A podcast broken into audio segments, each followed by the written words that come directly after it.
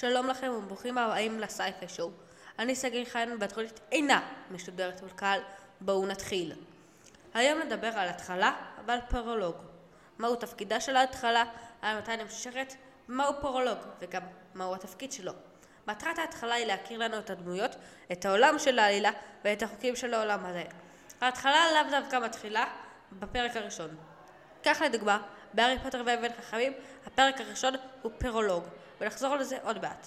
לדוגמה, בהארי פוטר, ההתחלה היא מתחילת הפרק השני ועד לסוף הפרק התשיעי, כשגיבורים מגלים על פלאפי, על הדלת שהוא שומר עליה, מה שמעניין אותם לחקור, ומתחיל את העלילה.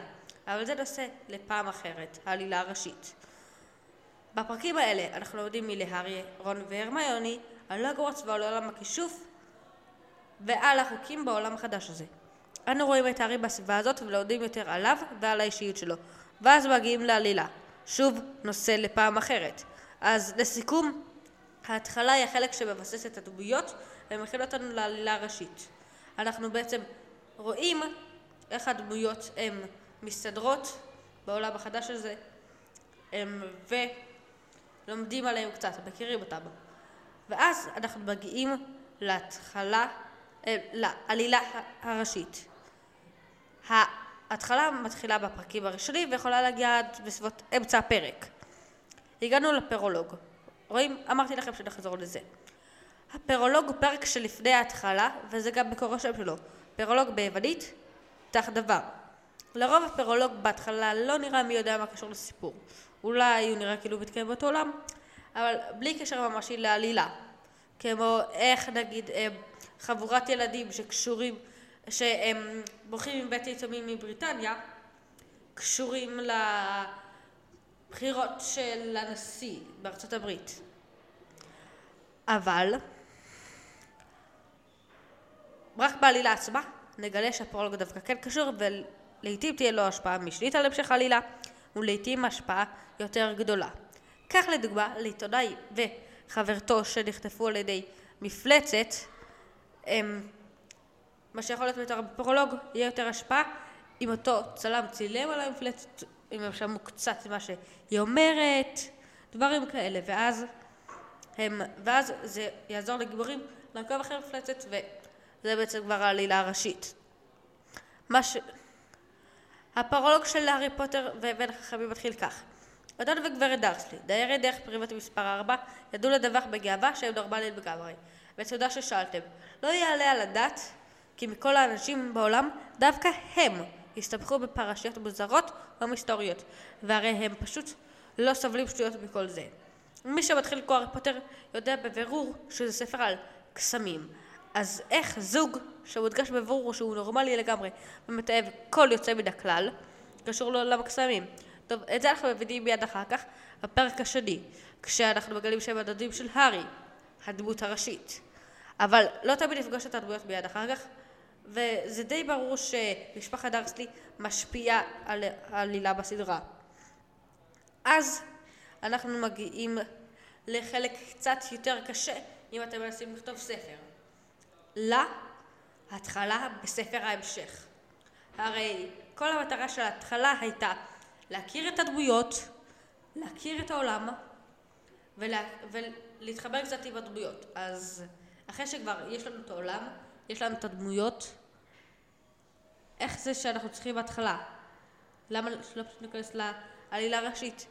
אז זהו. יש כמה דברים שצריכים להיות בהתחלה של ספרי המשך, והם בעיקרון וריאציות של ההתחלה בספר הראשון. א', דמויות חדשות. בספרי ההמשך נכיר דמויות חדשות, כי בלי קצת לפלפל את העניינים מבחינת הדמויות, זה לא באמת יעבוד. לדוגמה, דובי בהארי פוטר וחדר הסודות, שהוא שוב דמות די ראשית, ומה שהוא רמז כבר בהתחלה, בפרק שקצת נראה כמו פרולוג, אבל הוא לא, הוא באמת חלק בהתחלה הפעם, הוא כן משפיע על, על העלילה מאוד. והתלמידים החדשים ביניהם ג'יני ויזלי, אחותו של רון ויזלי ודמות שתהיה חשובה מאוד בהמשך הספר.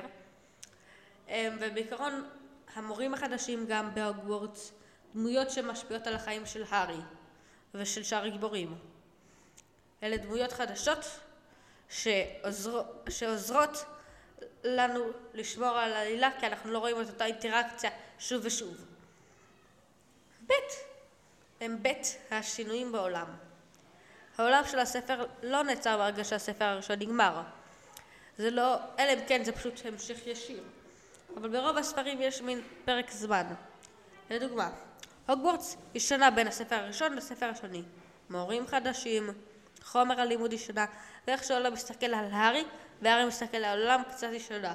עכשיו שהארי שלנו התבגר. החומר לימוד קצת יותר יתאים לדמות מבוגרת יותר, ואנחנו, וזה גם יעזור בהמשך הספר. בעיקרון העלילה היא עדיין הכלי שבעצם מכינה אותנו לעלילה. התחלה, לעלילה. וזה מה שחשוב לזכור כשאתם כותבים התחלה, פרולוג או התחלה לספר המשך. ב' שתיים זה מין הם, מיני ב' כזה. לעתים העולם יהיה פשוט חדש לגמרי, נגיד הגיבורים מטיילים לעולם אחר ואז שם הם גם הפגישו את הדמויות, זה לא דמויות שפשוט באו לעולם הנוכחי ואז אנחנו נחזור לגמרי על החלקים בספר הראשון. איך העולם עובד, מה החוקים שלו, דברים כאלה. ג' הם ההסתגלות לעולם החדש סלש השונה. כמו בהתחלה בספר הראשון.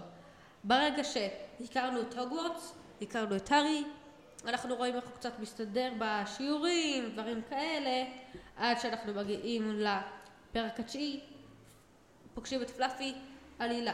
כבר דיברנו על זה. הם, כמו, בספ... כמו בהתחלה בספר הראשון, הגיבורים צריכים להסתגל על שינויים שקרו ולהתכונן לעלילה המרכזית. לדוגמה, הארי קולט שיש איזה קצת משהו מוזר שם בדיקות בגורץ וגם כל החטיפות והחשיפה של חדר הסודות. מה שיגרום לעלילה המרכזית שתכלול גם את דובי ואת ג'יני, הדמויות החדשות שדיברנו עליהן, וגם את קולי, דמות חדשה שלא דיברנו עליה, אבל גם היא תהיה חצי חשובה לעלילה. אמ, אנחנו גם נלמד איך הם מתנהגים בדמויות החדשות. נגיד, זה לא כל כך, נגיד, הם, האינטראקציה בין הם, ג'יני, למשל, להארי, שונה קצת מהאינטראקציה בין ג'יני, בין ג'יני לרון, הארי לרון ודברים כאלה. הדמויות האלה גם יכולות להיות מאוד חשובות. בהמשך אני צריך להשקיע בהם, אם אתם מתכוונים לעשות סדרה שלמה, בשלושה הספרים. אם לא, אז אתם לא חייבים ממש הם, להשקיע בהם בלא הדמויות הראשיות. הם, וזהו בעיקרון, הם, אנחנו קצת אמורים לדעת איך הם מתנהגים בסביבה החדשה, אבל זה גם חזרה של מה שקורה בהתחלה בספר הראשון. תודה שהקשבתם, זה היה סייפה שואו כמו שאמרתי, אני הייתי שגיא חיימן. תודה ששמעתם, ביי.